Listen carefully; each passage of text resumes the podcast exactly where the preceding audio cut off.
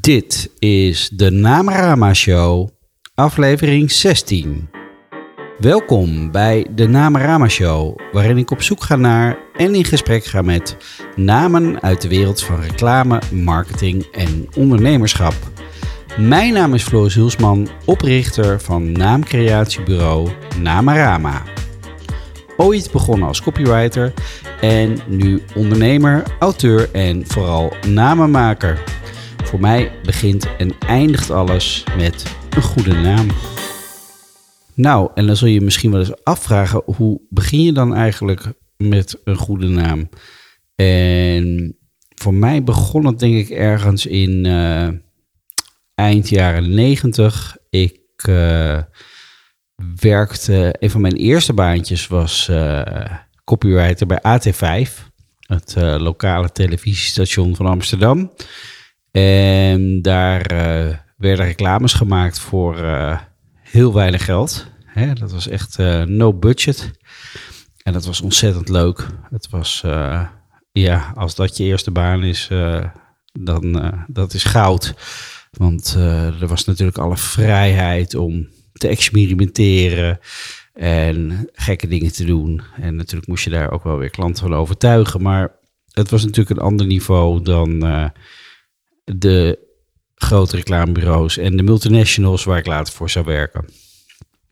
En ik werkte daar samen met uh, Jochem Leegstra en die was art director daar en richtte later het reclamebureau Staat op, wat uh, nog steeds uh, bestaat en zeer succesvol is, mag ik wel zeggen. Ze zitten nu in het Nieuw Werktheater in Amsterdam.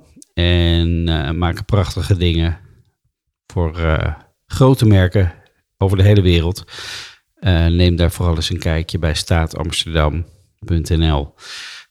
Um, en een van de eerste projecten die we daar deden was voor een wasbakje. Wat je makkelijk, een klein wasbakje voor in het toilet. En dat werd helemaal uit natuursteen vervaardigd. En dat was destijds waren er nog niet van dat soort modellen. En daar mocht ik een naam voor bedenken. En die naam die ik toen bedacht heb was uh, Izinzo. Nou, dat zou niet echt nu een naam zijn waar ik uh, weer mee aan zou komen. Het is natuurlijk een, een naam waar geen betekenis in zit. En uh, heel abstract. En misschien voor een wasbakkenmerk mag dat dan ook wel een beetje een uh, mystiek vleugje hebben. Izinzo. Het, klink, het klonk een beetje Italiaans, vond ik het. Het was echt een fantasiewoord. Het mooiste vond ik natuurlijk dat het niet te, te googlen viel. Het was gewoon een, een niet bestaand woord wat nog nooit eerder gebruikt was. En dat vind ik nog steeds wel een, uh, een kick als je uh, een naam kan bedenken. Die gewoon bijna ja, die echt uniek is. En uh, ja, ze zeggen tegenwoordig, als je nu nog iets unieks wil, dan uh, moet je maar een beetje op alle letters van je toetsenbord gaan rammen en kijken of je nog iets unieks kan maken. Maar uh, ja, dat was, dat was een, een, een begin. Daar is denk ik het eerste zaadje geplant. En ja, dat je dan, nou bijna meer dan 15 jaar later, nog langer uh, het echt uh, als je je vak mag gaan uitoefenen en daar gewoon op dagelijkse basis mee bezig kan zijn, dat is uh, fantastisch. En dat had ik toen nog niet kunnen voorzien, maar ik wist toen wel al van dat namen bedenken, dat is wel iets heel leuks. Dat is wel iets waar ik, waar ik blij van word. En wie ook wel eens namen bedenkt en daar ook een hele uitgesproken mening over heeft over bedrijfsnamen, is mijn gast deze keer. En dat is uh, merkdeskundige en meesterjournalist Erwin Wijman. Hij, uh, we gaan het hebben over zijn boek. Zo verkoop je alles. Of zo verkoop je alles. Uh, of zo verkoop je alles. En Erwin is schrijver van meerdere managementboeken denken als Elon Musk, de bedrijfsnamenfabriek. Hij heeft ook heel veel autoboeken geschreven, zoals Succes met je grote auto, Wat je rijdt bij jezelf, De Geluksmachine. Hij schrijft regelmatig voor heel veel media, uh, kranten als FD, NRC, uh, reclamevakblad Adformatie, Marketing Facts.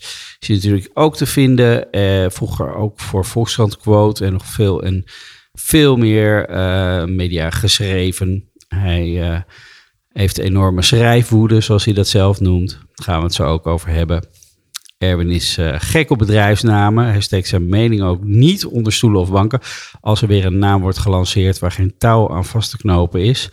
Dus je kunt je voorstellen dat dat uh, wel even wat vuurwerk oplevert. Uh, we hebben het natuurlijk over zijn nieuwe boek. Over de vele kansen die er voor ondernemers liggen om reclame voor zichzelf te maken. En we hebben het dan over de overtuigingen die mensen hebben over reclame. En wat velen waarschijnlijk tegenhoudt om aan marketing te doen of aan, goede marketing te doen. En uh, Erwin zegt dan: het gaat, om, het gaat niet om de tent, maar om de vent. En daarmee bedoelt hij dat het persoonlijke verhaal hetgene is waar de kracht zit om contact met je klanten te krijgen en te houden. En dat uh, brengt ons vervolgens weer op de nieuwe campagne van Albert Heijn met uh, Ilse en haar gezin. En er wordt ook een persoonlijk verhaal naar voren gebracht met natuurlijk een vleugje humor. En um, van daaruit gaan we weer naar zijn favoriete onderwerp, de auto's. Wat is nou het verband tussen de namen van onze auto's en de namen die we kiezen voor onze kinderen? Nou, daar ligt dus een heel duidelijk verband volgens hem. Hij uh, heeft zich echt enorm verdiept in de psychologie van uh, auto's en uh, wat, ja, wat we kopen en hoe we naar die merken kijken. Ik had dit gesprek met hem in het prachtige dorpje, oh, pardon, stad Monnikendam. Ze kregen al vroeg stadsrechten, Monnikendam. En uh, we hadden vooraf nog even een heerlijke lunch. En zelfs uh, als hij dan uh, brood aan het halen is, kijkt hij rond in de delicatessenzaak en ziet hij bepaalde merken staan. En dat brengt hem ook weer inderdaad van, hey, wat zijn dat nou voor gekke kleine merken? Een potje pindakaas waar je 7 euro voor betaalt. Hoe is dat nou mogelijk? En hoe kun je nou als klein merk groot worden? Nou, en dat begint natuurlijk allemaal bij een niche pakken en daar uh, heel sterk in zijn. Ook daar uh, hebben we wat mooie, delen wat mooie inzichten over. Um, dus ik wens je heel veel luisterplezier. Ja, ik kan niet anders zeggen. Het is een, een wervelend gesprek en er komt een hoop langs. Dus veel plezier met Erwin Wijman.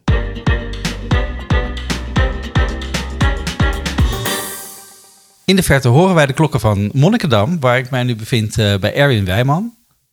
Dag Erwin. Dag Floris. Leuk uh, dat jij in uh, de Namen Show wil verschijnen. En Tuurlijk. ik heb hier mijn nieuwste boek voor, je, voor me liggen. Jouw nieuwste boek, sorry.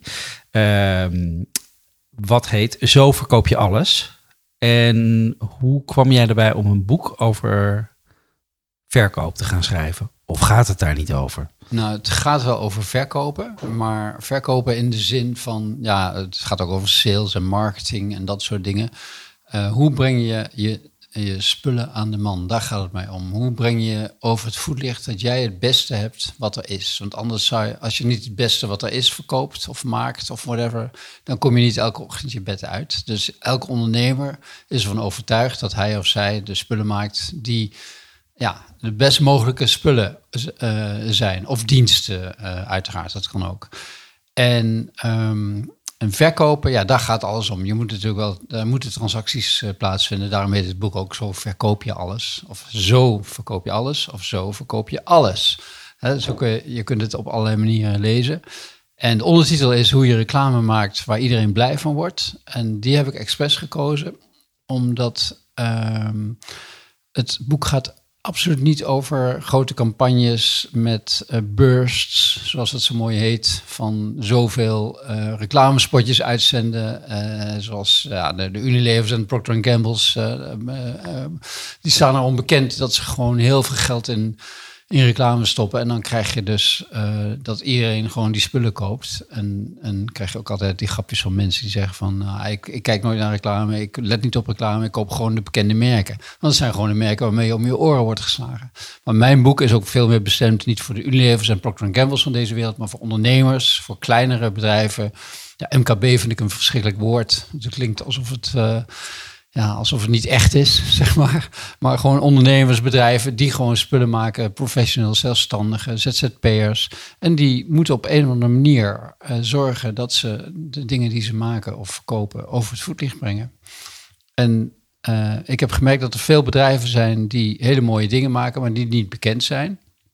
En, uh, en ik ben ook van overtuigd geraakt bij het schrijven van het boek Um, met heel veel checklists en ja, alle mogelijke middelen, offline, online, whatever. Ik vind namelijk dat, ja, nu spring ik al van hak op de tak, maar ik vind namelijk dat naast online kun je offline ook nog heel veel bereiken. Met persberichten en huis- en huisbladen tot en met billboards, uh, folders, visitekaartjes. Uh, ja, ik zie het ook. Heel... Het is echt een lijvig boek. Dus je, je hebt ja. ongeveer alle, alle mogelijke manieren alle, alle van mogelijke reclame middelen. maken heb je verkend erin. Ja, die staan er wel in, ja. En wat bracht jou ertoe dat je zoiets wilde schrijven dan? Um, ja, omdat ik in de loop van de tijd, ik ben nu, uh, ik ben zelf uh, sinds 26 jaar zelfstandig professional en, en heb mijn winkeltje ja, in het schrijven van artikelen en boeken. Uh, ja, dus ik ben zit er, ook Even tussen, zit er een naam op dat winkeltje? ja, dat, ja die, die zit er zeker. Dat is eigenlijk vooral Erwin Wijman. Ja. Ik, in het alle begin heb ik eens een keer ehm, toen ging ik, uh, ik, ik heb toen een keer samen met een bureau een naam bedacht, een vormgevingbureau. En die hebben ook hele mooie visitekaartjes gemaakt. En uh, in het visitekaartje kwam ook uh, het Scrabble-blokje voor, het rode Scrabble-blokje. En dan heette mijn bedrijf dan drie keer woordwaarde. Maar dat heb ik eigenlijk nooit gebruikt en zelf verlaten, want het was eigenlijk gewoon in, in het begin een gimmick. Ja. Uh, nou, het roept, het roept wel een glimlach bij me op, inderdaad. Ja, oké. Ja, maar ik vond het tegelijkertijd. Ik vind ook mensen die, die teksten schrijven en dan met zinnen of woorden of dat soort dingen komen, of letters of whatever. Denk ik van: het gaat helemaal niet om woorden of letters of whatever. Als je iets schrijft, als je tekst, een boek schrijft of een artikel schrijft, dan gaat het om het ja, om, om de stijl, om hoe je mensen meesleept, om het verhaal eigenlijk. En het verhaal is natuurlijk het allerbelangrijkste element van mijn boek, want een ondernemer of een product of een bedrijf, whatever, zonder verhaal is geen verhaal. Het gaat niet namelijk om jouw product, maar het gaat om het verhaal waarmee je je product over het voetlicht brengt. En uh, ik ben daar zo van, heilig van overtuigd. En ik weet wel, het woord storytelling uh, doet nu heel erg op geld. Hè? Uh, ja. Want uh, ja, storytelling is de nieuwe het nieuwe wondermiddel, de nieuwe panacee waarmee je alles kunt verkopen. Ik denk dat, uh, en het is natuurlijk waar, maar storytelling wordt al gauw weer een trucje, net als content marketing. Hè? Dan als bedrijf ga je dan bijvoorbeeld een verhaal vertellen over uh, wat je doet, in plaats van dat je vertelt dat het het beste is wat er is. Ja. En, en dat snap ik wel, dat, dat, dat is ook allemaal waar, maar het wordt gauw een trucje. Maar ik ben er overtuigd dat um, het, ik heb in laatst in een um, ik kom boven een interview uh, in, um, in een blad werd, uh, ja, ook een beetje een cliché, maar ik vind het wel heel erg waar. Uh, je verkoopt niet de tent, maar de vent. Hè, jij een mutatie, ja, het gaat Als je een eenmansbedrijf bent, of ja, het, het, gaat, het gaat om, uh, om wat jij vertelt. Het gaat niet om wat je aanbiedt, maar om de aanbieder. Het gaat niet om wat je verkoopt, maar om de verkoper. Wat, wa, uh, daar kun je ook de why, hè, die beruchte why onderscharen. Van waarom doe je iets? Nou, omdat jij dit doet. Hè. De, alle spullen, uh, heel veel spullen, diensten, whatever, zijn commodities hè, ja. in, in jargon. Maar het gaat erom hoe je ze verkoopt, hoe je ze aan de man brengt. En dan ja, vind ik het uh, briljant. Ik was net in het delicatessenwinkeltje hier in Monnikendam, Zuid. En dan zag ik weer, uh, en daar was ik echt zo uh, met de instelling van... oh, Floris komt zo meteen en ik ga wat lekkere dingen voor hem halen. En zag ik op een schap drie rijtjes met producten van respectievelijk pindakaas van de pindakaaswinkel... die soep van de kleinste soepfabriek En um, potten met uh, rendang en Thaise curry en nog wat uh, bœuf bourguignon volgens mij van Elkes Keuken. Ja. Die potten van Elkes Keuken kosten 10 euro per stuk. Voor nou, zo'n potje van 435 milliliter heb ik er nog even gekeken. Dus dat is gewoon ja, een flinke jampot. Hè? Helemaal niet zo heel veel. Die pindakaas kost 7 euro per pot yeah. van de pindakaaswinkel. En de kleine soepfabriek, die blikjes of uh, potten soep, die kosten iets van 5 euro, dacht ik. En dat zijn allemaal producten die voor heel veel geld worden uh, aangeboden en ook worden verkocht. Hè? Want het zijn natuurlijk ook, uh, ze hebben een ruime distributie in, in, in delicatessenwinkels. Ze hebben ook nog vaak een eigen webshop. Ecoplaza uh, staat het zelfs. Uh, tenminste, die soep. Oh ja, precies. Soepwinkel, soepfabriek. Ja, ze hebben de kleinste soepfabriek. Ze, ja. is een, dus ze hebben het goed voor elkaar. Ze hebben mooie herkenbare logo's. Ze verzinnen af en toe leuke dingen. Ze benadrukken dat ze heerlijke en eerlijke, met zo'n haatje tussen haakjes altijd, ingrediënten. Ja uh, vlees van koeien en, en, dieren die een goed leven hebben gehad. Ze geven natuurlijk veel om dierenwelzijn. Ze, uh, ze zijn uh, op alle mogelijke manieren eco of biologisch of gecertificeerd, whatever. Dat is allemaal goed. Dus je zou kunnen zeggen van het zijn allemaal dezelfde producten. Het is een commodity. Maar de manier waarop ze het verkopen is wel heel onderscheidend. Ja. de naam, en dat moet jou zeker aanspreken als de, de, naam koning van Nederland.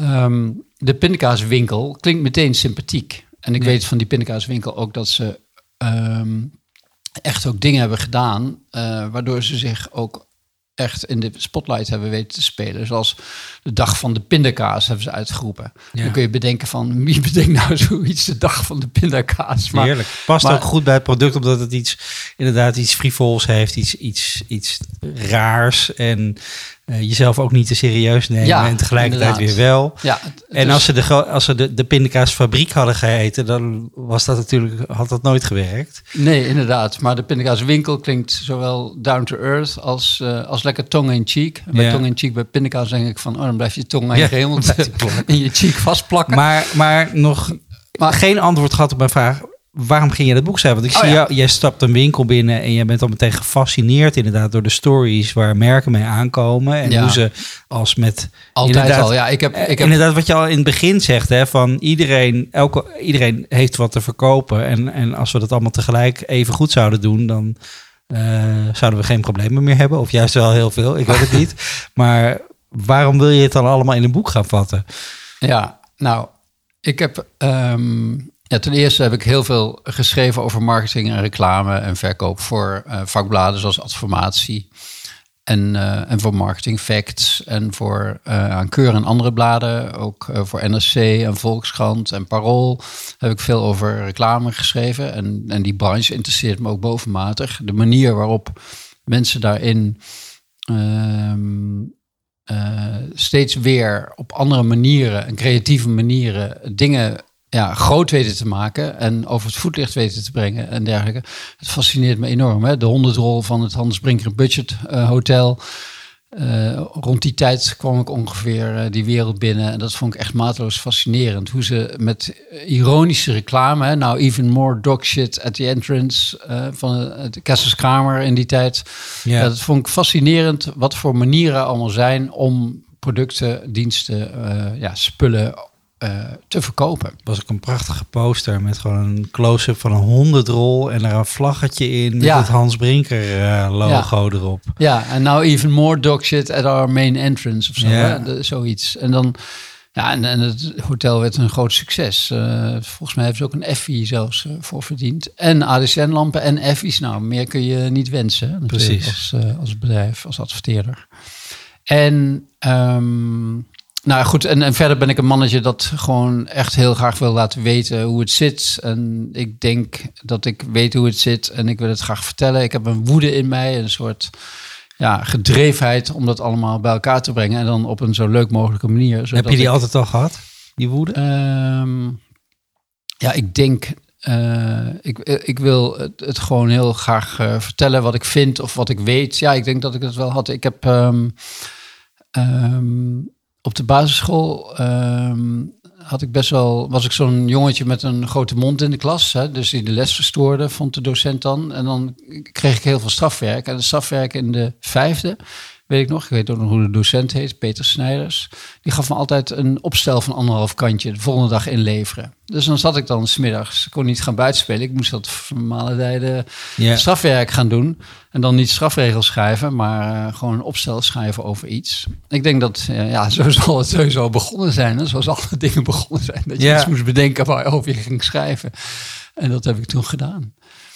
En eh dat is altijd gebleven. Dus Ja. je, was, je was en dwars op school en je kon ook nog schrijven. En dat Ja. kwam, kwam op de een of andere manier samen. Nou ja, ik denk ook wel eens, in, ehm, als, ik, als ik er malicieus over denk, over die man, van dat hij gewoon eh, vond dat ik goed kon schrijven en dat hij eh, weer toe was aan een nieuw stukje van mij. maar goed, dat is natuurlijk wel heel erg van mezelf uitgeredeneerd. Ja, Van ja. dat ik toen al briljant was, wat ik helemaal niet was natuurlijk. En nu ook, ja, god, ik, ehm, ik zou nooit over mezelf zeggen dat ik eh, briljant was. Ook niet op de basisschool, ook niet nu. Maar ik weet wel dat het boek is heel erg leuk geworden. En mensen zeggen tegen mij dat ik goed kan schrijven. En nou ja, de uitgever geeft het uit. Recensenten schrijven er hele mooie recensies over. Dus Nima heeft het eh, tot kwartaalboek eh, gebombardeerd bij Nima Books. Dus ik heb ehm, daar op kantoor van Nima in Zuidoost heb ik eh tig boeken gesigneerd eh, die ze dus kunnen sturen aan marketeers die het volgens Nima althans in de kast moeten hebben. Omdat Ja. het een eh, basisboek is of een naslagwerk of in ieder geval een boek dat, eh, dat wordt een, een, een hilarisch marketingboek genoemd in de begeleidende brief. Dat vind ik heel leuk om te horen natuurlijk. Want ja, ik schrijf ook om gelezen te worden. Ik vind ook zoveel dingen passeren als een schip in de nacht. Ja, het is dus geen, geen saaie opsomming Nee, nee, nee. van eh, ga, zo zet je een bericht op Instagram. Nee, precies. Het is, het, het, het, het is heel. Het is heel ehm, ik hou wel van een beetje brutaal eh, schrijven. Ik heb vroeger ook veel voor Esquire en Quote geschreven in de jaren negentig. En, en daarin werd je dat wel geleerd. Of, of je zag hoe zo'n blad in elkaar zat. En dan ging je dat zelf natuurlijk ook overnemen en doen. Ja, En ehm, ja, dat is ook belangrijk. Het is, je moet iets doen om gelezen te worden. Ja, je moet iets doen om verkocht te worden. Om je spullen op de markt. eh, als je sinaasappels verkoopt en je roept niet het hardst van kilo voor 1 euro. En dat zijn de sappigste die u ooit geproefd heeft, et cetera, et cetera. Ja, dan, dan, dan lopen mensen je kraam voorbij. ja. En dan moet je je eigen boek gaan verkopen. Ben je daar nog, eh, heb je daar nog inzichten gekregen van hoe, hoe ga je eh, jezelf verkopen? Ja, ik, ik, ik, ik weet wel, of ik kan wel, ik weet wel veel, eh, zoals dat zo mooi heet, free publicity te genereren rond mijn eigen producten. Omdat ik op een of andere manier ehm, ja, verhalen vertel of, of dingen duidelijk maak om de promotie van mijn boek heen, waardoor mensen het graag willen lezen. Of, of die dingen die mensen graag willen lezen. Ik had op LinkedIn bijvoorbeeld een, ehm, eh, een aankondiging gedaan van eh, als je wel eens moet onderhandelen. Ik heb de acht geheimen van onderhandelen op een rijtje gezet. En als je hieronder reageert met zo verkoop je alles, dan stuur ik je de pdf van dat hoofdstuk toe. Kijk, een gratis weggever. Een gratis weggeven, maar dan op een andere manier dan normaal. Hè? Dat je Aha. gewoon een hoofdstuk voor publiceert. Maar ik had het dus een beetje spannend gemaakt, een beetje teasend en een beetje iets gevraagd. Ik had het met andere woorden.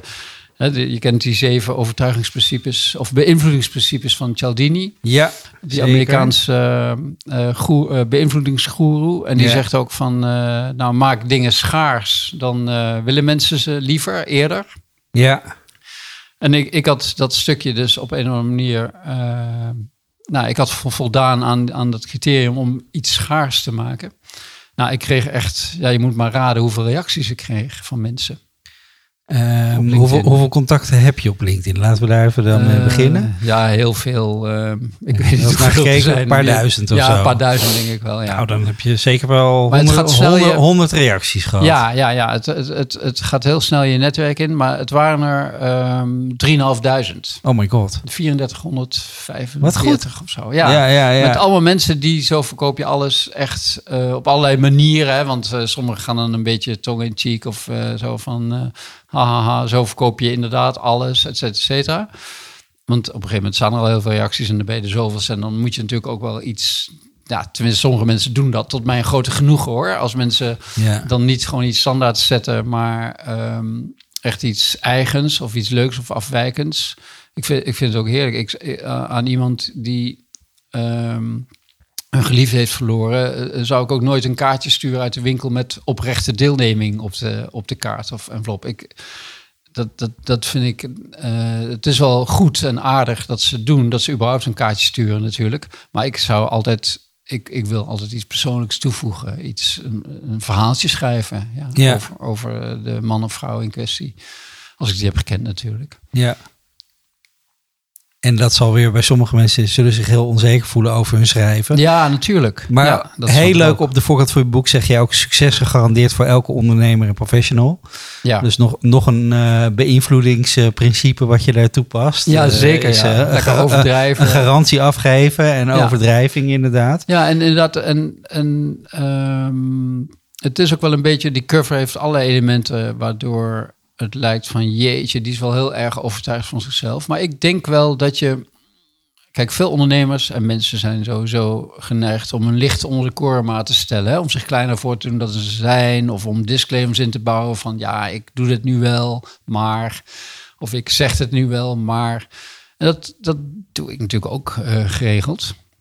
Het is wel zo dat je ehm, in jezelf moet geloven. Dat is je eerste, ja, een basisverhaal, als je het ook een verhaal mag noemen, van maak duidelijk dat je in je product gelooft, maar ook dat je in jezelf gelooft. Dat jij het bent die dat doet. Hè, Als jij een trainer bent met een, succes, met een eh, cursus en je wilt dat die cursus eh, succesvol wordt, of je bent coach en je begeleidt ondernemers, of je bent namenbedenker en je bedenkt namen. En als je dan heel zielig over jezelf gaat zitten doen, ja, dan kom je nergens. Ook, Ja. Kijk maar, in, eh, als je gaat daten met een man of een vrouw en je komt binnen en je, en je gaat gelijk allerlei disclaimers inbouwen of je doet je heel onzeker voor of je ziet er niet uit, whatever. Ja, die andere denkt dan meteen van, wat is dit voor een figuur? Confidence is, eh, is seks, is sexy. Ja. Vertrouwen is het meest eh, overtuigende eigenschap. Zelfvertrouwen uit. Het zijn allemaal gewoon hele, hele menselijke reacties die we ook hebben. Net zo goed naar merken toe als naar, naar mensen toe. Ja, ik denk ook, ja, mensen die zeggen dat merken mensen zijn, ja, we hebben het grootste gelijk van de wereld. Merken moeten over menselijke eigenschappen eh, beschikken Ja, om, eh, om überhaupt overtuigend te zijn. En dat, en dat zie je ook in eh, zelfs in de, de grote merken. Albert Heijn, die nu op tv met een nieuwe campagne komt. Ja, die probeert zich heel erg menselijk voor te doen als, eh, ja, als een soort, ja, zeg maar, als een soort, ehm, wij zijn net zoals jij. Hè, die supermarktmanager, die mevrouw die ook een druk leven heeft en een man die klunst met een elektrische tandenborstel waarmee die ook de kat zit te aaien. Eh, als hij moet koken, dan maakt hij pizza, weet je wel. Zo'n klunzige man. Nou, heel veel vrouwen schijnen zich daarin te herkennen. ja. En, ehm, en dan krijg je zo'n soap-achtige, naar die film, of, of eh, luizenmoederachtige clichébeelden die natuurlijk heel erg worden uitgemolken, uitgeserveerd bedoel ik. Niet Ja. uitgemolken, maar uitgeserveerd, heel Ja. duidelijk. Op een manier zodat wij onszelf daarin moeten herkennen. En dat Albert Heijn van ons allemaal wordt. En ja, daar is heel veel kritiek op, hè, trouwens. Wat vind jij van die campagne? Nou, ik vind hem. ehm, aan de ene kant snap ik wel dat ze eh, zich heel menselijk en warm en zo proberen. Of ja, menselijk en warm. Het is eerder. ehm, laten we het gewoon menselijk noemen. Hè, dat ze, dat ze het eh, eh, willen downgraden naar. ja, zo zijn we. Zo moeten we allemaal zorgen dat we het huishouden runnen en, en ook nog gezond eten en ook nog de kinderen op tijd op school naar hockey en naar bed hebben en dergelijke. En dat we nog geld overhouden voor andere dingen dan alleen maar eh, ja, pindakaas en brood. Ehm, dus ja, gezinnen waarin niet pindakaas van de pindakaaswinkel voor 5 euro of 7 euro per pot wordt gekocht, maar Albert Heijn met hele stukjes noot voor, ja, voor 1,69 bij wijze van spreken. Ja. Maar ik vind dat Albert Heijn zich, ja, hij moet zich gewoon ehm, eh, moet zich rekenschap geven van het feit dat ze marktleider zijn. En dat ze gewoon, het is ook wel gezegd door iemand dat Harry Piekema was gewoon hè, die filiaalmanager die ze jaren hebben gebruikt in die reclame. Om duidelijk te maken dat Albert Heijn ja, wist wat ze moesten doen, namelijk die winkel op orde hebben en goede spullen verkopen. En het was een soort, ja, kun je zeggen, een soort ehm, autocraat. Harry Piekema. Als je bij Harry Piekema in de winkel kwam, dan wist je dat het allemaal goed was. Dan wist je dat er niks eh, verlopen is, dat er geen eh, schimmel op de tomaatjes eh, zit en whatever. Ja, hij keek er En- streng op toe. inderdaad. Ja, hij kijkt daar streng, tenminste, daar kijkt hij misschien helemaal niet streng op toe. En het is natuurlijk een archetype, hè? het is een reclamebeeld, het is niks. Het is gewoon, merken bestaan alleen in de hoofd van de consument, heeft een Britse marketeer een keer gezegd. En Ja. ze liggen niet in de, in de schappen van de supermarkt, ze, staan, ze liggen niet in een vrachtauto, ze liggen niet in een magazijn, ze, ze zitten gewoon in jouw hoofd. En maar Harry Piekema zorgt dat het goed komt. Maar bij die nieuwe mevrouw van Albert Heijn, om dat door te trekken, hè, die zelf eh, de huishouden nog bijna niet eens op orde heeft, zou je kunnen zeggen. En dat is ook wel sympathiek natuurlijk, want wie heeft het daar wel? Ik heb het hier ook niet, weet je wel. Ehm, niet dat mijn kinderen met een eh, witte en een bruine sok aan eh, naar school gaan en dat soort dingen. Maar eh, ja, niemand heeft alles heel erg goed voor elkaar. Maar ik vraag me af, als ik haar zo bezig zie, of zij wel zorgt dat alle tomaatjes en al die dure, duur verkochte bakjes, dat die geen schimmel hebben. Weet je wel, daaronderin. ja, dat is Dat- nog dat een is gewoon vraag die je kan stellen. Ja, En, en, en het is wel warm en menselijk, maar de kwaliteit eh, en, en duurzaamheid en dat soort dingen, ja, die moeten ook eh, in orde zijn. Kijk, zij kan heel makkelijk dan tegen die mevrouw zeggen van... eh, hier, pak dit gemakpak eh, of soeppakket. Hè, dan ben je in één keer klaar in die tweede commercial. Dat snap ik heel erg goed. Maar eh, dat past ook heel erg bij het beeld dat ze neerzet. Maar die andere dingen, hè, dat het goed is, de kwaliteit en de prijs en dergelijke, ja, die worden daar niet door in, eh, die klinken dan, die worden daar niet over, duidelijk over het voetlicht gebracht. En Hema, die eh, heeft ook een nieuwe campagne gestart, nog een oer-Hollands merk en ook net als Albert Heijn altijd in de top 10 of 5 zelfs van de meest onmisbare merken Ja. hè, van eh, Nederland. Die samengesteld wordt trouwens door, eh, eh, ik weet niet of ze het nu nog steeds doen, door Rick Riesenbos. Rick Riesenbos van Eurip in Rotterdam, marketingbureau. Ehm, en dus een onmisbaar merk in Nederland, net als Blokker en het NOS-journaal en dergelijke. Maar goed, die ehm, Hema heeft nu een nieuwe campagne waarin ze dan weer hameren op vier pijlers, heb ik begrepen. Ehm, eh, goedkoop of prijs en kwaliteit. Dus niet goedkoop, maar prijs en kwaliteit. Natuurlijk Ja. wel goedkoop, lees goedkoop. Eh, design en duurzaam. En dan beginnen ze een spotje over handdoeken, dat die eh, niet duur en duurzaam zijn. Hè, van biologisch katoen, of in ieder geval een katoen dat deugt. Dat, dat, nou ja, de details weet ik natuurlijk ook niet, maar ze brengen het over het voetlicht op een zodanige manier dat ik denk van ja, inderdaad, alles klopt met deze,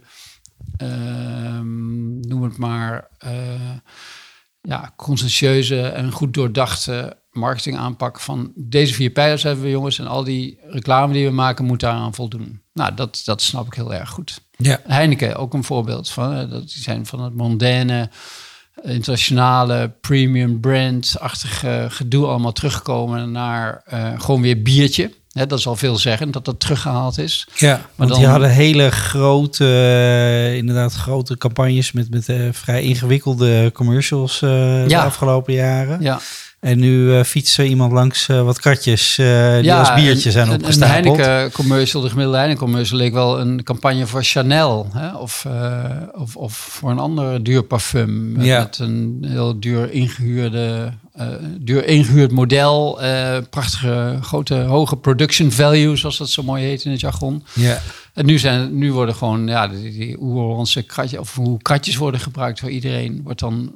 Um, belicht, ja, ja, gefilmd. En het kratje is ook alleen maar in Nederland natuurlijk, want dat zul je in het buitenland uh, niet snel tegenkomen. Ja, inderdaad. Dat is ook nog mooi, van dat je echt een Nederlands artefact, een Nederlands verschijnsel, dan zo uitlicht en zo, zeg maar, duidelijk uh, pakt als onderscheidend kenmerk. Ja, ja, dat vind ik mooi. Dat vind ik goed gedaan. Leuk. En dan weer even terug naar je boek van, uh, ik ben die ondernemer en ik heb, ge- ik heb helemaal geen kratjes, laat staan een biermerk wat de hele wereld ja, over gaat. Ja, natuurlijk. Waar, waar, waar, waar start je dan als ondernemer om, om betere reclame te maken? Of reclame waar iedereen blij van wordt?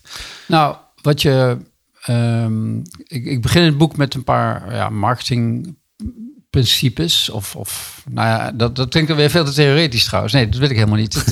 Het, boek bestaat gewoon uit, uh, uit, uh, uit uh, 110 hoofdstukken. Met steeds elk hoofdstuk bevat zeven of acht of negen punten hoe je iets moet aanpakken. Gewoon heel down to earth. En je kunt zo. Je kunt het op elke plek openslaan en dan lees je gewoon dingen die handig zijn, die goed zijn, die fijn zijn, die leuk zijn om te doen.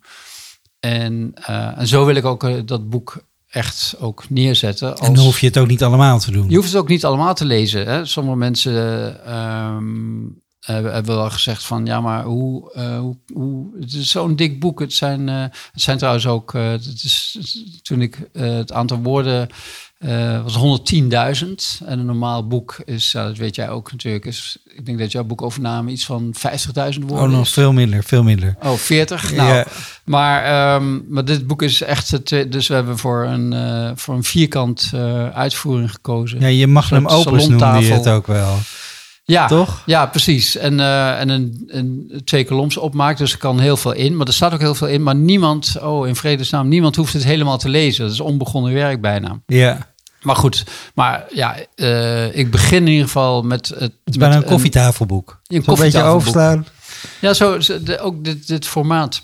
Ja, Sorry, dat noem je ook wel koffietafelboek. Zo'n vierkant formaat, 22 bij 20 centimeter, dacht Kijk. ik.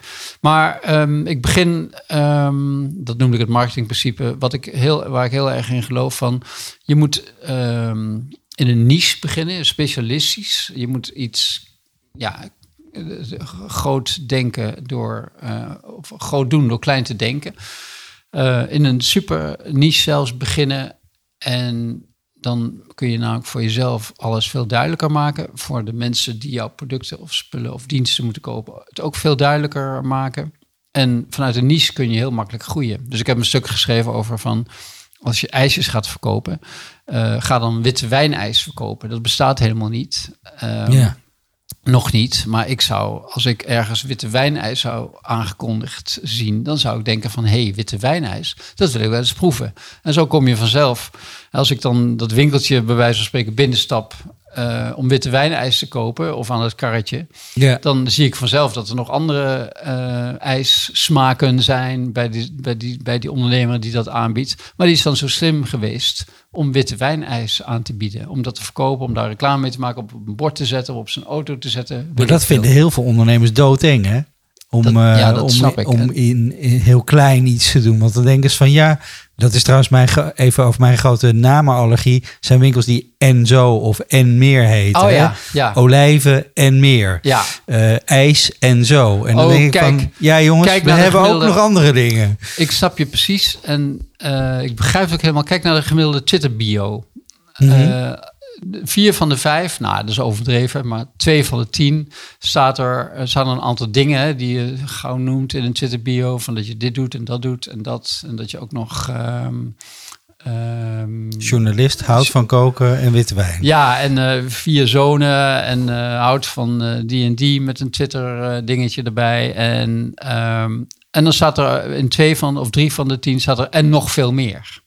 Of en nog meer en dergelijke. En denk van, maar wat is dat dan meer? Dan gebruik je zomaar negen of tien of elf kostbare eh, characters, hè, om je, je bio maar mag tellen Ja. om dan iets, iets zo weinig zeggend als nog veel meer. En wat jij zegt, ben ik helemaal mee eens, dat en zo en veel meer, dat doet juist afbreuk aan wat je doet. Je kunt beter focussen op één ding eigenlijk. Ja, Niet dat mijn, nu gaan mensen natuurlijk meteen mijn Twitter bio ja checken. ik zou van, hem stel aanpassen. en moet ik eigenlijk dus nu aanpassen en één ding, dat ik focus op één ding. En inderdaad, het is natuurlijk ook heel fijn. Iedereen houdt dat elkaar voor, van je moet veel beter focussen, dan kom je verder. Maar het is ook echt zo natuurlijk. ja. Maar het is ook dus heel eng, denk ik. Het is tegelijkertijd mensen. heel eng. En als jij zegt van ik ben specialist in bijvoorbeeld die wat ik net al noemde, het voorbeeld van de kleinste soepfabriek. Dan kun je zeggen van oh, we maken alleen maar soep. We zijn de kleinste. Maar ze zijn verdomd groot geworden. Ja. Het is net als eh Trio- Triodos eh, Bank. Of ehm, die natuurlijk heel klein, eh, nou ja, niet heel klein eh, reclame maken, maar die wel voor een select publiek zijn. Maar, en zijn geweest altijd. En nu natuurlijk profiteren van de hang naar eh, duurzaam en de hang naar purpose en goed doen en whatever. De Ja. Mensen, en consumenten worden zich steeds bewuster van het feit dat we, ja, als we door blijven gaan zoals we doorgaan, de wereld naar de kloot eh, De vegetarische slager, denk ik. De vegetarische ook- heeft slager is ook- ook heel mooi. Die heeft in het Ja. begin enorm gestruggeld en eh, was, Ja. veel, was een te duur product voor veel mensen. Ja, en nu is het en nu ligt het, ligt het geworden. overal. Ja, is, het- is het Unilever geworden. Ja. Dus Ja, het, prachtig. het kan verkeren inderdaad. Ja, hoe je heel klein begint. Hè, de vegetarische slager, denk je, dat is gewoon de man eh, met een winkel hier in de straat die tussen de wortels slacht. delicatessenwinkel en de speelgoedwinkel zit en Ja. heeft bedacht van, weet je wat, we gaan. eh, volgens mij is het ook echt zo klein begonnen in is echt Nijmegen, klein toch? begonnen, ja. ja. Ja. Maar de kleinste soepfabriek is dan een heel mooi voorbeeld van ehm, hoe je. Ik weet natuurlijk niet hoe groot ze in werkelijkheid zijn, maar volgens mij zijn ze best wel groot. Ze, je ziet ze ook overal. Jij zei ook al net van Ik zag ze bij de Ecoplaza staan. Eco Plaza, bij kleine specialistische delicatessenwinkels. Dan moet je toch wel een zekere ja, omvang hebben. Wil je heel de distributie goed hebben. Want daar, daar gaat het eh, in fout natuurlijk als je gaat groeien. En eh, ja, dan ben je toch in, in ieder geval in naam al klein begonnen. En ja, je naam is altijd belangrijker dan de werkelijkheid. Eh, een van de mooiste uitspraken vind ik van het gezegde... eh, wie de naam heeft vroeg op te staan, kan lang uitslapen.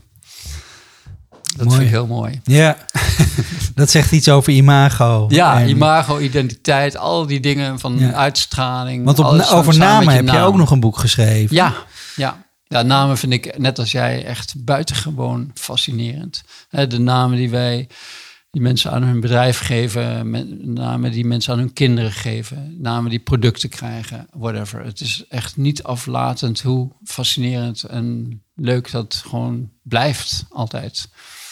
En, ehm, en hoe mensen ook al daar, altijd daar hele verhalen over hebben. Waarom ze de, hun kind eh, Mees hebben genoemd. Of Storm. Of eh, whatever. En, maar ja, Dat is nooit zomaar. Daar zit altijd een verhaal bij. er zit altijd een verhaal bij. Maar ik denk dan altijd van... Ja, de namen die jij je kinderen geeft... zijn precies de namen die eigenlijk al klaar lagen. Daar heb je helemaal niet over na hoeven te denken. Die lagen al klaar, want die worden jou voorgeschreven als het ware door de mensen om jou heen, de community waarin je leeft, de postcode waar je woont, de buren die je hebt, de collega's, je vrienden, je familie, je inkomen, je opleiding.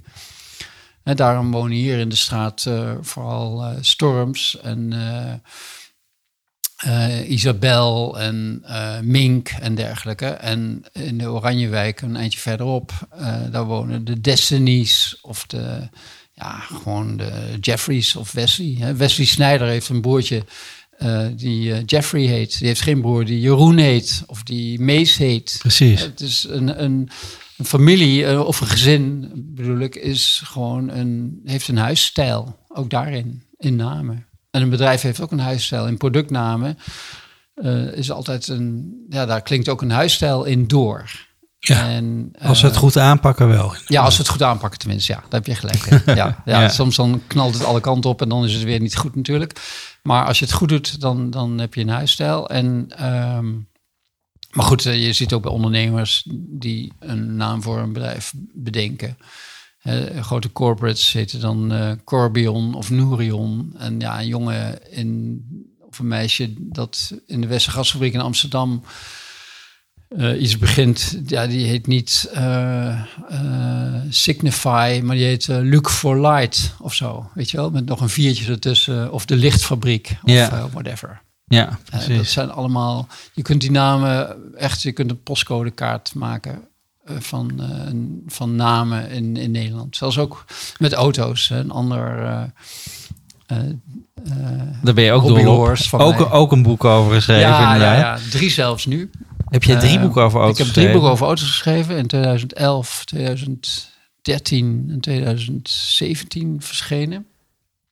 En eh ze worden steeds abstracter. Gaan En steeds die laatste minder- ging echt over welke auto past, past bij je, ja, toch? ja, ze gaan eigenlijk steeds minder over auto's en steeds meer over, ja, over jou als mens. Ook imago. Als, als im- over imago. of wie- en, hoe ja, je en wil- over geluk, hoe jij, over psychologie. De, de, De geluksmachine. ja, de geluksmachine bijvoorbeeld eh, gaat over ehm, de auto als geluksmachine. En dat zijn dan instrumentele kenmerken, zoals nou, je kunt in een auto van A naar B, maar ook via C, D, E en F heel makkelijk. Wat niet met een ander vervoermiddel kan eh, zo makkelijk.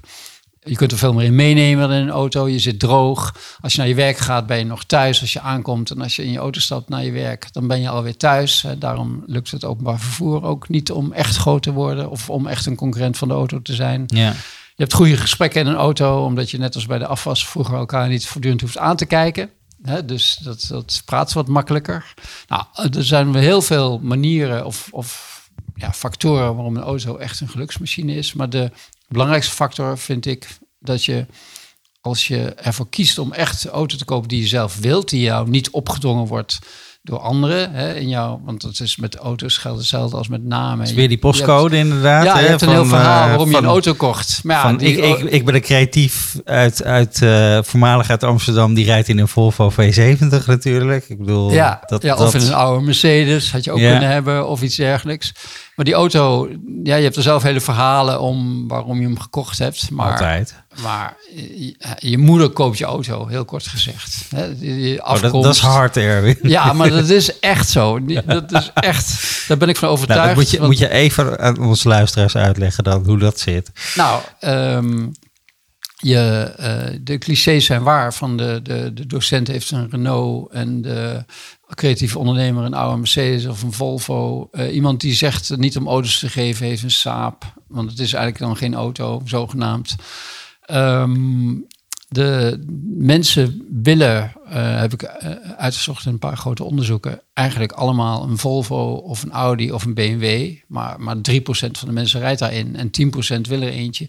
Maar ze rijden, dat zie je aan de verkoopcijfers, een Volkswagen of een Renault of een Opel. En ehm, eh, de, de, het verschil tussen eh, marktaandeel noem ik wel de begeerlijkheidsquotient. Je, je, je wil eigenlijk een BMW, maar je koopt een Volkswagen. Eh, BMW heeft een begeerlijkheids... eh, of, of, of, of wordt door eh, 10% van de mensen eh, als wensauto opgegeven, maar 3% rijdt er in eentje. Nou, dan, heb je, dan hou je dus een begeerlijkheidsquotient over van 7%.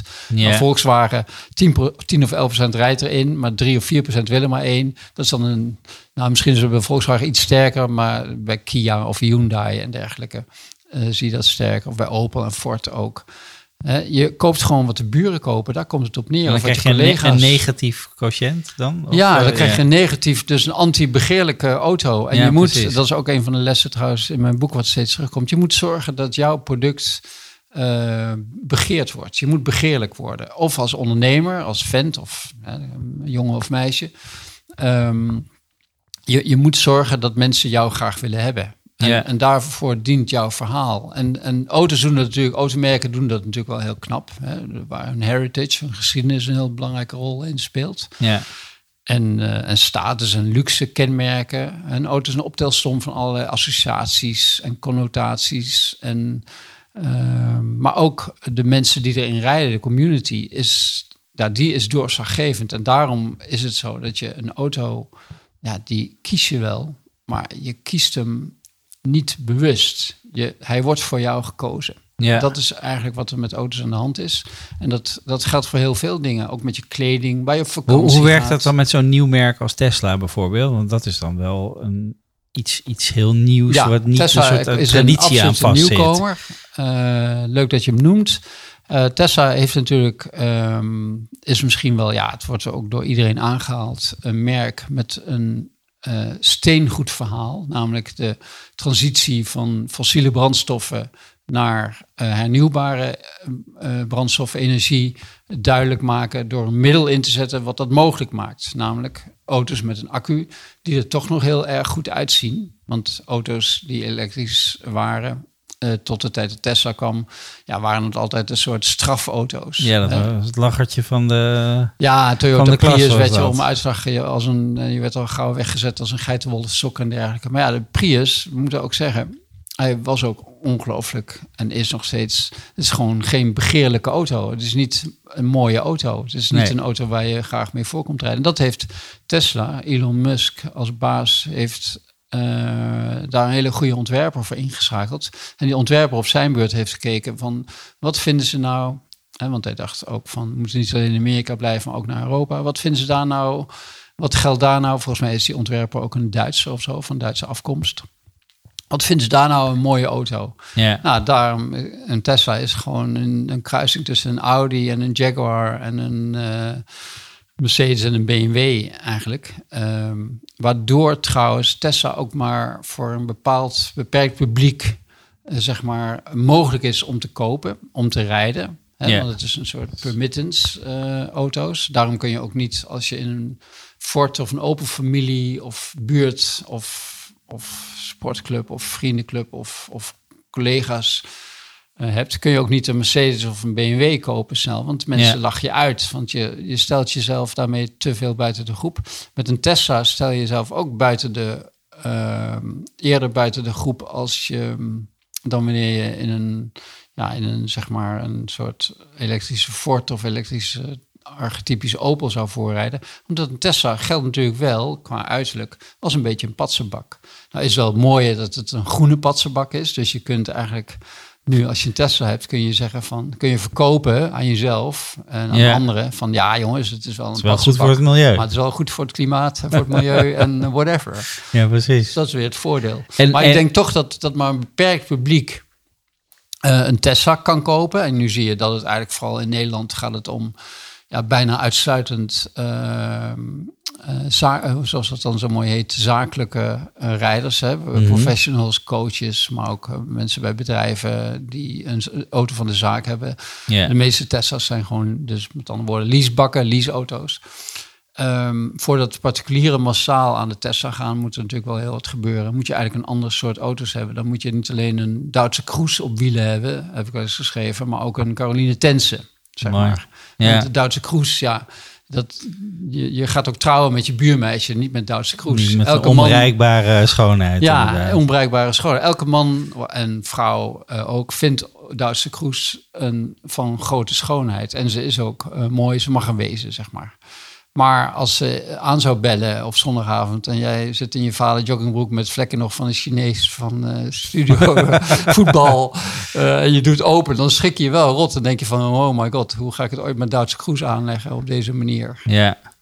En dus je trouwt met je buurmeisje, je koopt een fort. Hey, En en zit, een even, even terug, want jij zei het net ook, bij, bij namen zou, er, zou je ook een postcodekaart kunnen maken. Ja, Dus bij heel veel bedrijven nemen dus ook een naam aan ja. die eigenlijk waarvan ze denken van da, daar dan, dan past het. Dat Ja, is, daar, kan ik mee voor de dag komen. Ja, ja, daar ben ik van overtuigd. Bedrijven kiezen eigenlijk een naam die hun concurrent ook al heeft. Terwijl je eh, zou kunnen zeggen, ehm, nee, niet, dat moet ik eigenlijk niet zo voorzichtig zeggen, maar heel stellig, van neem nou juist een naam die afwijkt. Of die niet Juist. lijkt op die van je concurrenten, want daarmee spring je eruit. Hè? Differentiate or die, zegt eh, Rees eh, in, zijn, in zijn boek ehm The Purple Cow, hè, dacht ik.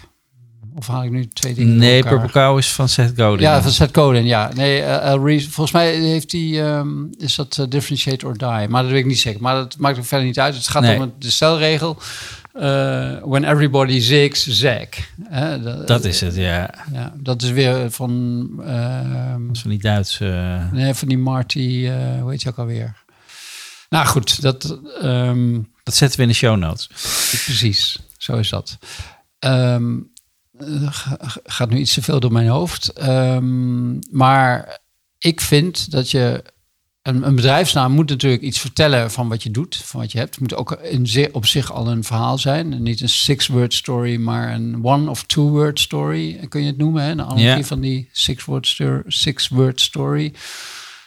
En, ehm, en hij moet gewoon, en daardoor, als je dat goed doet, wordt hij eigenlijk al anders dan die van je concurrenten.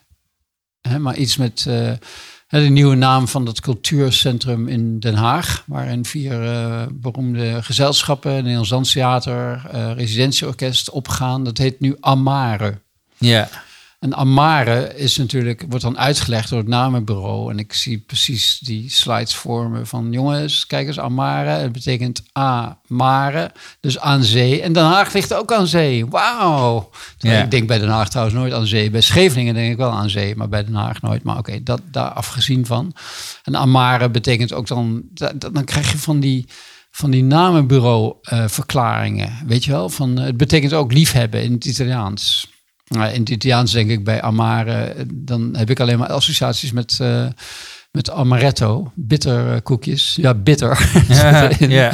Maar eh bitter koekjes eh, liqueur. Je vindt het te gekunsteld. Ja, het is natuurlijk, het is niet alleen gekunsteld, het is gewoon, het is gewoon niks. Het is gewoon, het, het is gewoon zo vlak als wat. Het zal- straks wel, zoals dat zo mooi heet, geladen worden met uitingen van het Amare. En, eh, en er is een website natuurlijk, en dan komt straks op die kaartjes en, en, en leaflets en posters komt Amare te staan, zodat men, de Hagenezen op een gegeven moment denken, oh ja, ik moet naar Amare voor een nieuw, nieuwe dansvoorstelling of Ja. voor een nieuwe. Misschien wordt het wel de AFAS. Amare straks. Wat zeg je? De AFAS Amare. ja, precies. En net ja. zoals de, de AFAS eh, Musical. En eh, De AFAS ste- Live. Steeds, Ja. meer, Ja. steeds meer tenten worden overgenomen door AFAS. Wat ook, dat is trouwens wel een onderscheidende naam, omdat ik daar echt geen touw aan kan vastknopen. Ja, hè, dat is wel, dat is wel intrigerend bijna. Van, van fascinerend hoe zo'n boekhoudsoftware is het. ja. Hoe die dan ja, zichzelf. Ja, zij betalen natuurlijk heel. Zo kan het ook. Hè. Je kunt gewoon een naam hebben die gewoon een naam is die nergens over gaat. Maar als je maar heel veel miljoenen stopt in de sponsoring van een, van een bekende eh, muziekzaal. Ja. En je neemt die van Heineken over. Ja, dan, dan kom je er ook wel weer. Net als Ziggo, Ziggo Dome. Ja, nee, dat is ook mijn, mijn uitgangspunt. Kijk, als je, als je miljoenen op de bank hebt staan, dan kun je any naam op je bedrijf Ja. plakken. Of course. Maar als je dat niet hebt, dan moet je heel slim gaan denken. En Ja. inderdaad je afzetten tegen de rest. En kijken van hoe kan ik mezelf kenbaar maken. En vooral voor mijn klanten herkenbaar maken. Ja, en dat Amare, dat is ook, het is ook geen naam die iets zegt. Het is, het is net zoals dat Amarantis van die scholengroep, hè, waar de directie eh, zichzelf verrijkt heeft met fraude, het hele bedrijf toen heeft opgeblazen een paar jaar geleden. Ehm, het, het is een, een naam die wel iets betekent. Amarantis betekent dan misschien wel eeuwig bloeiend of iets dergelijks. Hè. Dat lees je dan altijd in die persberichten en verklaringen. En natuurlijk hè, bij de presentatie aan de directie door de mensen van het namenbureau. Van jongens, dit betekent het. En Ja, het heeft die en die associaties. We hebben het getest en mensen denken aan whatever. Maar Amare is ook, ja, zijn, daar is een andere ding heet al Amare. Een zorginstelling en een, eh, nou, ga maar door. Eh, de- de- het, is een, het, is een, het is een zoutloze naam die overal opgeplakt kan worden. Ik kan Ja. morgen een shampoo gaan verkopen of tampons die Amare heten. Ja, dat, dat kan allemaal. En, het, en ja, je kunt je afvragen waarom je dan zo'n prachtig c- cultuurpaleis eh, Amare noemt. Ik zag gisteren een, op de Jan van Galenstraat reed ik in Amsterdam, zag ik een snackbar die heette Kip en Friet. En met zo'n 1%. ja. Dus zei ik tegen mijn dochter, van, ja, dat is nou echt een naam die klinkt als een klok. Kip en Friet. ja. Echt briljant. Maar, je, maar je postte ook nog een, een andere tent die heette Lastig. Oh ja, ja. En toen twitterde ik van lastig, een goede naam voor een lunchtent. Ja, Wat dat is lastig, wel lastig om te bedenken waarschijnlijk. Ja, precies. Ja. Maar, ehm, eh, maar die is eh, op, in een winkelcentrum waar ik was eh, in, aan de Middenweg. Ehm, en ik, ken, ik, ken, ik ken hem helemaal niet, maar ik zag ineens lastig. En toen dacht ik van waarom zouden die mensen... Ik had geen tijd om het te gaan vragen, anders had, was ik binnengelopen. Ja. Want ik moest snel weer door. Maar anders was ik binnengelopen om te vragen van hoe ze aan die naam kwamen. Want het is wel een opmerkelijke naam, vind ik.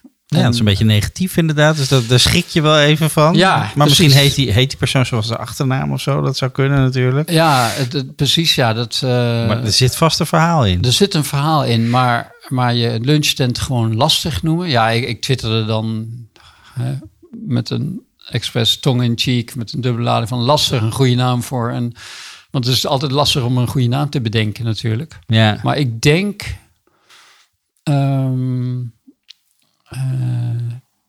dat het. eh, dat weet jij ook, van een lunchtent kun je zo noemen. Als je een, uh, een cultuurpaleis, cultuurcentrum in Den Haag lastig noemt, ja, dan verkoop je die nooit aan de directie. Dat weet iedereen. En deze naam zal ook niet door een namenbureau bedacht zijn natuurlijk, hè, van een lunchtentje aan de Middenweg in Amsterdam. Ik hoop het niet. Maar je, you never know. ik weet wel dat ze, ik was in, uh, dat wil ik niet onthouden, want daar dacht ik meteen aan, omdat ik die tegenkwam toen ik um, van het vliegveld Wezen uh, kwam, airport uh, Wezen, daar over de grens uh, bij Kleef, bij Nijmegen.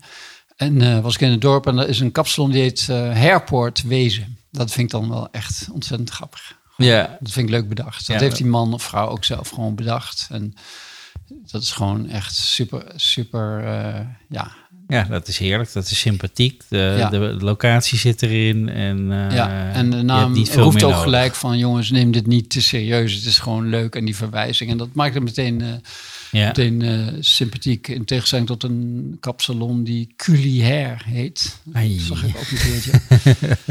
en ja. dan denk ik van, oh my god. Dan denk je toch aan een eieren en pindakaas in je haar, zeg maar. ja, maar dan wel culinaire eieren en pindakaas natuurlijk. Wel dat potje van 7 euro ja, uh, zit erin. Ja, maar dat schijnt heel gezond voor je haar ja, te zijn, om pindakaas in te smeren. Hey, en je hebt nu een, een, lijvig werk uh, hier liggen, mag ik wel zeggen. Wat, staat er alweer een nieuw boek op de, in de planning? Of neem je even vakantie van het schrijven? Nou, nee, nee. Ik neem nooit vakantie van het schrijven eigenlijk. Um, of niet eigenlijk, dat doe ik gewoon nooit. Want ik heb altijd wel weer plannen voor nieuwe boeken. Ik ben nu bezig met een boek waarin ik ehm, ja, op een rijtje wil zetten best practices van ondernemers die het heel erg goed doen. Dat, uh, of, of merken die het heel erg goed doen. En dan ook op een manier waarop ik dat ehm, ja, heel eenvoudig en heel inzichtelijk uh, wil maken. Maar ik ben er nog niet helemaal uit. Het, maar wel merken die passen bij jou visie van het moet anders zijn. Ja, het, zijn dan natuurlijk wel ondernemers het, of merken, de, de, de, dwarsliggers zijn. Ja, die me aanspreken en die, en die uh, zodanig opvallen dat ik denk van ja, hier kunnen we met z'n allen gewoon wat van leren. Ik heb vorig jaar ook een boek gepubliceerd over Elon Musk. Ehm, in een serie van mijn uitgever. Eh, Denken als Elon Musk. Ja, ja. een serie Denk als topondernemers. En, ehm, en dat boek over Elon Musk bevat dan ja, twaalf, dacht ik, lessen van dit kun je leren van Elon Musk. En dan natuurlijk op een hele fijne, leuke, overtuigende manier opgeschreven. Hè? Want anders moet je het niet schrijven, zo'n boek, vind ik. Want dan wordt het ook weer een commodity. Van, oh ja, we moeten even de lessen van Musk over het voetlicht brengen. Nou, dat, dat is helemaal niet leuk. Maar dit boek, ehm, ja, ik weet zeker dat um, uh, mensen spiegelen, spiegelen zich ook graag aan zo'n topondernemer. En Musk haalt natuurlijk allerlei dingen uit. Uh, dan twittert hij weer... Uh, iets zo mafs dat zelfs de beurswaakhond in de in, zag in de, het, ja. Verenigde Staten wordt een boos. ja, vervolging je mag, je mag niet twitteren. Precies. En, um, en daar hou ik wel van. Ook, ook uh, omdat hij zich ook, ook zo, bedenk ineens, zo anti-corporate opstelt daardoor. Hè? waar grote ondernemers uh, of ondernemingen altijd mensen aan het roer hebben staan die nooit iets durven zeggen. Niet in, op het NOS-journaal, niet in een interview. Um, zeker niet op Twitter. Ze twitteren zelfs niet, zelfs niet eens. Terwijl ze dat we, jij stelde straks alvast, of deden we het samen, nou ja, maakt niet uit. Maar een bedrijf moet voor alles menselijk zijn. Een merk, moet een, een merk is een mens. Je, mensen attribueren ook eigenschappen aan merken die ze menselijk maken. Mensen vere, of, uh, vereenzelvigen zich graag met een merk en dergelijke. Ja. CEO's van grote beursgenoteerde ondernemingen en zo, die zie je bijna nooit. Die, die, dat zijn geen mensen, dat zijn eerder robots of machines eigenlijk. Dus ik zou zeggen mijn boodschap aan ondernemers niet alleen van hè, breng jezelf. Het gaat om, om, om, om gaat niet om jouw tent, maar om jou, hè, om de vent. Uh, man, meisje natuurlijk, man of vrouw. Maar uh, ook tegen mensen die CEO zijn en zo. Kom naar buiten, gedraag je als mens. Ga op tv, ga bij de Wereld Draait Door zitten. Ga bij andere praatprogramma's. Ga naar buiten, ga twitteren of whatever. Je moet, moet eens zien hoeveel goed dat Elon Musk en zijn product, zijn bedrijf uh, doet. Dat hij zich zo opstelt. ik weet zeker dat mensen in een Tesla die verkopen die Tesla, Tesla ook aan zichzelf, omdat ze denken van, ja, ik ben ook een beetje een rebel in mijn Tesla. Want ik heb het product van niemand minder dan Elon Musk, die rebel op Twitter, die mafkees. En dat Ja. straalt ook een beetje op mij af. En daardoor Die deug ik toch nog. raketten de lucht Ook al heb ik een patse en- auto, Ja, veel te dure auto, Ja, die precies. niemand zich verder kan veroorloven op deze planeet. Ehm, maar ik, ehm, het is wel een product van Elon Musk. Ja. En dat is de, de man you hate to love of love to hate. Maar in ieder geval wel iemand die eruit springt. En, waarom, waarom doen die bedrijven dan dat niet, denk je? Waarom zijn ze Dat zo ze te bang zijn, voorzichtig, eh, durven niet eh, hun kop over het maaiveld uit te steken. Ja, al die clichés zijn gewoon allemaal waar. Eh, ze denken dat ze iets verkeerd zeggen, dat ze vervolgd worden. Het is natuurlijk ook zo, hè, de, omdat een paar mensen dingen uithalen die niet goed zijn, zij- is de hele maatschappij alles is behangen met regels. Hè, alles. Hè, we, we, er worden steeds meer regels vastgesteld. Als er geen regels zijn, is wel jurisprudentie waar je aan, eh, aan wordt opgehangen als je iets doet wat niet helemaal in de haak is en whatever. Daardoor worden mensen ook bang. Ja. Zeker als er beursgenoteerde bedrijven zijn, dan heb je natuurlijk ook nog de regels die gelden voor beursgenoteerde bedrijven. Ook nog eens een keer. Nou, dat, Ja. dat, zien we bij Musk natuurlijk, hè, die dan ook. Ja, ook af en toe roept natuurlijk van, nou, ik haal het hele bedrijf van de beurs, heb ik daar geen last meer van. Ja, Maar dat is natuurlijk geen. ehm, eh, ja, dat is bij hem natuurlijk, denk ik, alleen maar show. Of dat blijkt alleen maar show. Maar, maar ik zou toch zeggen, als je een merk te verkopen hebt, ehm, word, word dan als topman jouw merk bijvoorbeeld, of topvrouw.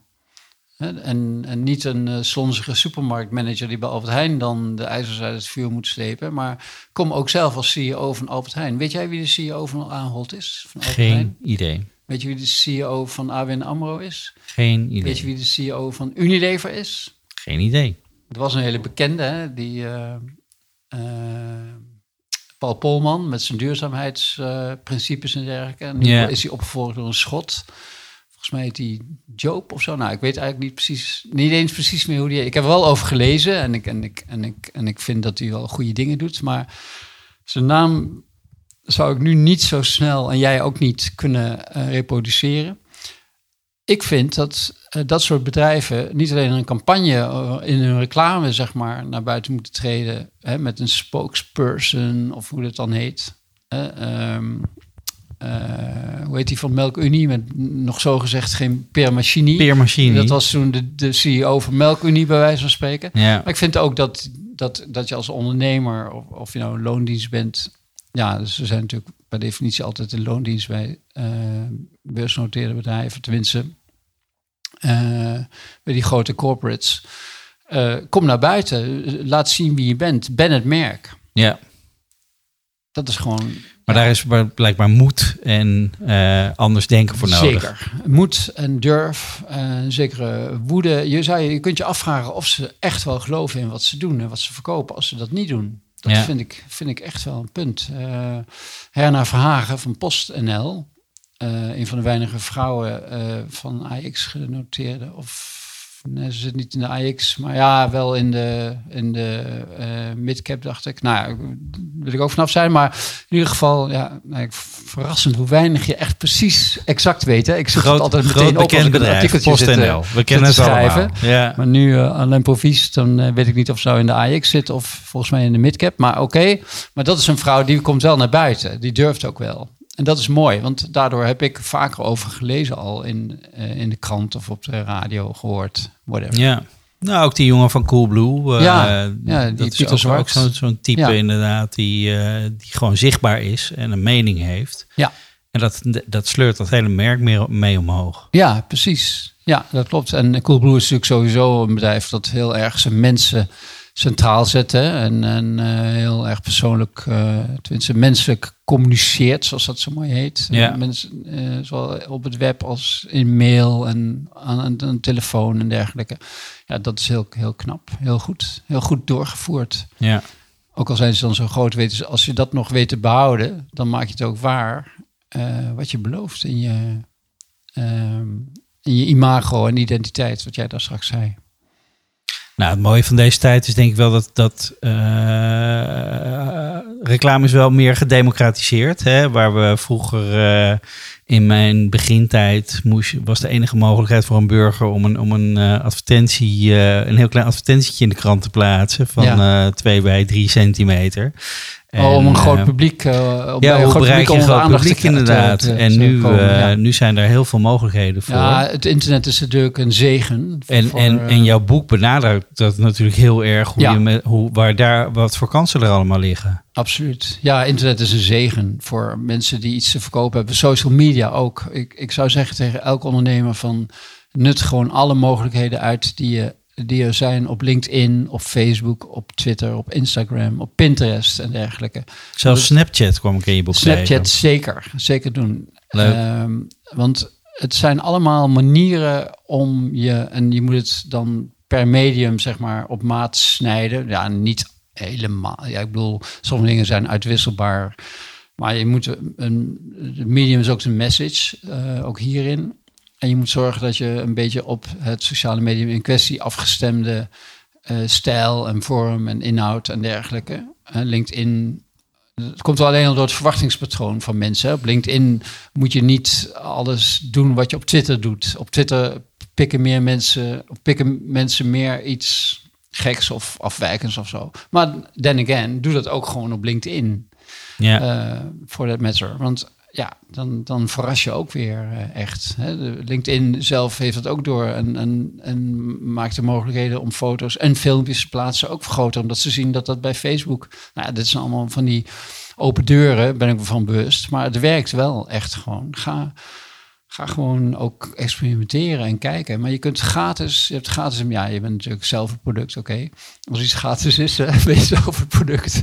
Maar je kunt dat wel allemaal heel erg mooi gebruiken. En mensen om je heen, je krijgt ook ehm, je, in je vrienden en netwerk eh, zitten al veel fans hè, die, die het bereid zijn om te liken of om het door te linken. Of, eh, Ja, of en ze zo begint het dan. En zo- zo kun je, eh, je klanten gaan bereiken. precies. Ja. En als je dingen verkoopt die die mensen om je heen ook graag willen hebben of nodig hebben, ja, dan wordt ook gewoon je zakelijke netwerk, ook je, je, je, je kopersnetwerk, je afnemersnetwerk. ja. En, of ze maken het weer bekend bij mensen die zij weer kennen. Hè, wat ik daar straks vertelde over dat postje op LinkedIn, over zo'n eh, leidraad, een hoofdstuk eigenlijk, om, eh, om eh, het onderhandelen eh, te krijgen wat je wilt. Dat, dat wordt gedeeld door mensen. Ehm, en van ja, social media specialist Elia Do, die we allebei goed kennen, weet ik dat op LinkedIn, als je dingen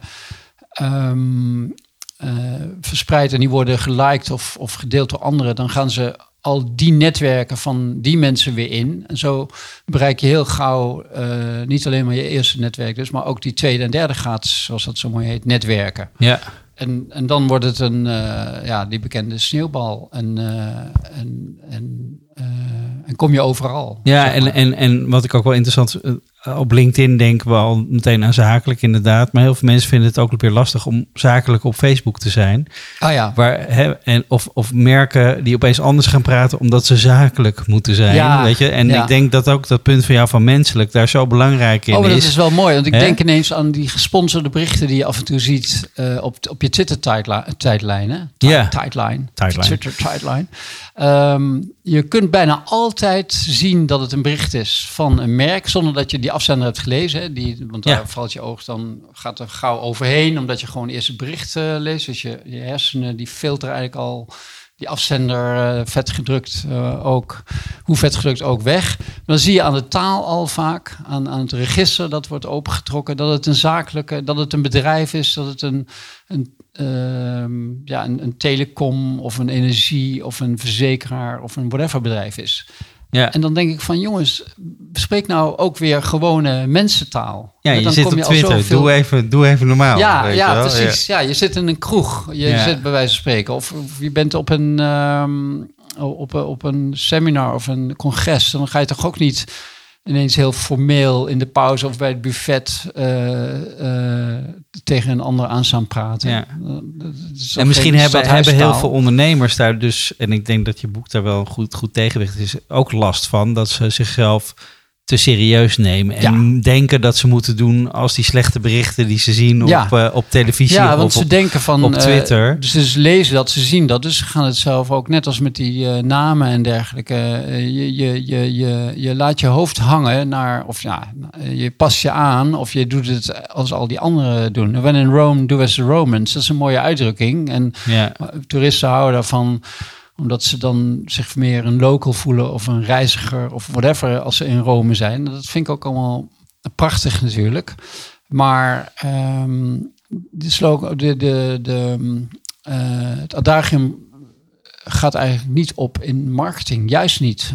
When in Rome, do not as the Romans, zou ik zeggen. ja, precies. Eh, Doe het anders. Of doe, doe het anders dan, dan de mensen om je heen doen. Want die, tenminste, als zij het zo formeel corporate-achtig doen. En jij bent ook een corporate.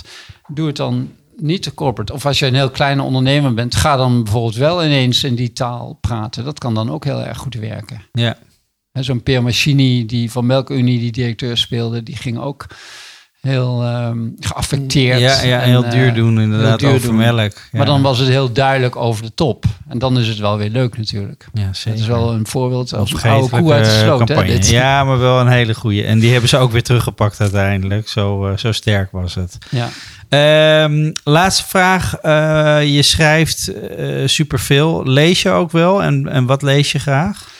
Ja, ik lees, eh, ik lees echt enorm veel. Eh, uiteraard, want ja, als je niet eh, leest kun je ook niet schrijven.